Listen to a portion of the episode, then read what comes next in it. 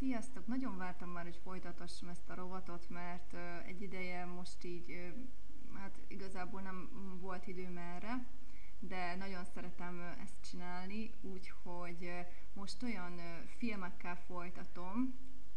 amelyeket én személy szerint nagyon sokszor láttam, viszont biztos vannak olyan hallgatók, akik esetlegesen nem, bár a tévébe is sokszor játszották ezeket, általában május 1-én, illetve augusztus 20-a környékén, de máskor is el lehet különben ezeket csípni. És most a Csini Baba című filmről szeretnék beszélni, ez különben az egyik kedvenc magyar filmem. 1997-es, és Timár Péter rendezésében készült. Több híres magyar, hát komikus színészt is felvonultat, így például Revicki Gábort vagy Gávölgyi Jánost. Hát én igazából úgy próbálom így most felépíteni ezt a filmet, mivel hogy elég sok szálon fut és így karakterek szerint, persze azért úgy próbálom nem teljesen a végét elmondani, mint ahogy szoktam ezeknek, Na most ugye ez arról szól igazából, hogy a 60-as években játszódik, ami ugye Magyarországon elég kemény politikai korszak volt, viszont a film próbálja úgy azt a részt megragadni ennek a kornak a szórakoztató vonalát igazából, amikor kezdődtek ezek a kimit tudós tehetségkutató versenyek, és azért a filmnek ez a címe, mivel az akkori ö, slágerek jelennek meg benne, mivel hogy zenés ö, ennek a műfaja. Ö, na most igazából, hogy mivel ilyen ö, nyári, romantikus, ö, laza ö, stílusú a film, akkor játszódik, tehát ö, nyilván ilyen ö, szerelmi szálak vannak benne.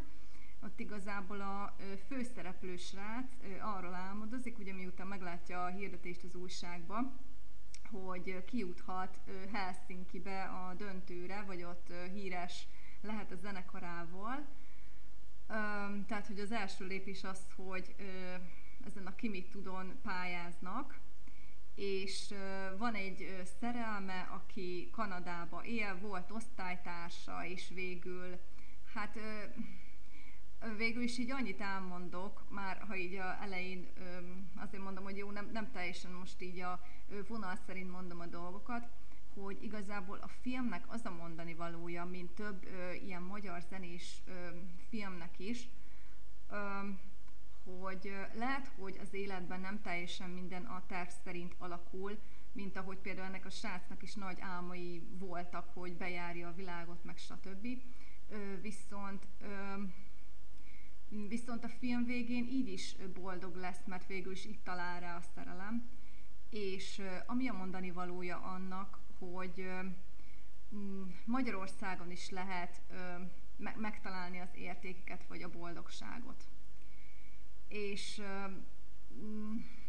hát igazából, hát azért mondom, hogy ez nagyon sok szálon fut, vannak benne, hát nem is tudom, ilyen magányos, van benne egy magányos férfi, aki igazából nem, nem, nem igazán találja meg akit szeretne, mert, mert az a lány végül is a főszereplő srácba szerelmes, de az, az meg ugye egy másik ö, csajba szerelmes, akkor ami az érdekesség az, hogy Nagy Natália is játszik a filmben, ö, aki ugye Nagy Bandó András humoristának a lánya, és egyébként érdekesség, hogy bár a filmben egy nagyon ilyen kényeskedő macát játszik, akinek ugyancsak nagy tervei vannak azzal, hogy ő ugye Csehszlovákiába akar ilyen mm, TV stúdióba dolgozni, mint ilyen csereasszisztens, ami végül is nem jön neki össze. Meg, meg például nekem tetszik az a jelenet, amikor a német Kristóf fotózza ilyen korlátra dőlve, és akkor ugye utána meg az van, hogy a Fellini édes élet filmér ugye mindenki meg van bolondulva, és akkor hogy a, ez a nőci is megy oda filmet nézni, és igazából még annyit elmondhatok, hogy az Édes Élet című filmet különben ezért néztem meg, mert ebből a filmben láttam először. És tehát aminek igazából a filmbe is azt emeli ki, de erről tényleg most csak egy mondatot akarok mondani, hogy abban a főszereplő az Anita Egbert, hogyha jól ejtem, svéd színésznő, amikor a mm, Rómában Trevik útnál azt hiszem ott fürdik benne, és hát lényegében ugye azt mint közelképre hozzák, és akkor az egész tömeg ott oda csődül, és akkor hát igen, az egész filmnek végül is ez az egyik kultikus beszólása, hogy nem akarok itt megrohadni, aztán valaki beszól a közönségből, hogy kus rohagy meg máshol. Tehát, hogy lényegében itt igazából tényleg mindenkinek nagy tervei vannak a, az élettel kapcsolatban. Igazából az, hogy, hogy kinek mi jön be, azt szerintem itt végül is már csak személyfüggő, ami itt a filmben is meglátszik. És vagy, vagy például nekem az is tetszik, hogy ahogy hát szórakozó helyen ott ülnek lényegében a, filmnek szinte az összes szereplője, ott ugye ismerkednek, Ugy, ugyanez vonatkozik ilyen esti randizásokra, és ott ismerkedik meg például a, a dobos, a leendő dobos ez a zenekarral, a főszereplő sásznak a zenekarával. Ö, és akkor már, már ott, ja, ja igen, és, és ott, ott van egy pár barátnő, az, az egyikkel végül összejön, és hát igen, abban is vannak humoros részek, hogy például ülnek este a parkba a padon, és akkor, hogy ö, nem, nem tudom már melyik dal jár az eszébe, és akkor tegezhetem, hogy valamit akarok öntől kérdezni. Tehát, hogy a 60-as években tényleg még így pár nap után is még csak ott tartottak, hogy ez, ez a legnagyobb kérésük. És, vagy, vagy például ez a magányos férfi, aki a másik csajba szerelmes, aki, aki meg a főszereplőbe szerelmes, ez a csaj, és hogy például állandóan hallgatózik a csaj után. Meg például az a magányos férfi meg jár egy bisztróba, ahol hát igazából ismerkednének az emberek, de mivel hogy túl félénkek, mindenki egyedül ül. Akkor a Gávölgyi János karaktere, meg hát végül is a Molnár Piroska játsza a feleségét, és ahogy e, egy este járják a várost, ha jól emlékszem, vagy mindegy, ott egy erdőbe sétálgatnak, vagy valami ilyesmi, és összetalálkozik a nem tudom, 20 évvel ezelőtti szerelmével.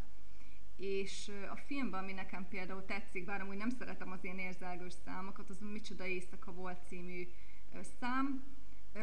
de például, mint említettem, hogy éneklik a Csini Baba című számot, a Susu Bolondságot, a több barátnő lényegében hát ott egy ilyen kisebb szórakozó helyen fellép, hogy úgy mondjam, mert hogy ebbe a zenekarba akar bekerülni hát szerintem úgy végül is elmondtam a lényeget a filmmel kapcsolatban, tehát remélem, hogy így ízelítőt adtam hozzá tényleg, aki nem látta. Ö, igazából, ha ilyen több szálat elmondanék, akkor szerintem tényleg már elmondanám majdnem az összeset. Ö, igazából még esetleg annyit említenék meg, hogy ö, Koltai Róbert felesége, lényegében, én, én különben tényleg kedvelem azt a színésznőt, minden lényegében, hát úgy 70-es évek végétől 80-as, 90-es évek magyar vígjátékaiban, sőt még ott a 2000-es évek elején is szinte mindegyik vígjátékban játszott, és ebben is kapott szerepet, mint ellenőrnő,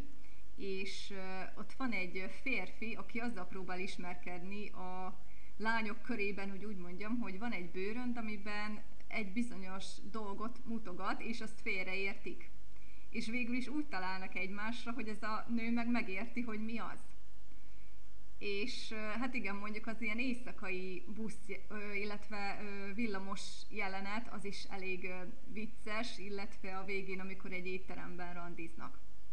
Tehát még ezt, ezt még így ö, megjegyzem a végén is, nézzétek meg, nagyon szórakoztató vígjáték, aki még nem látta. Sziasztok!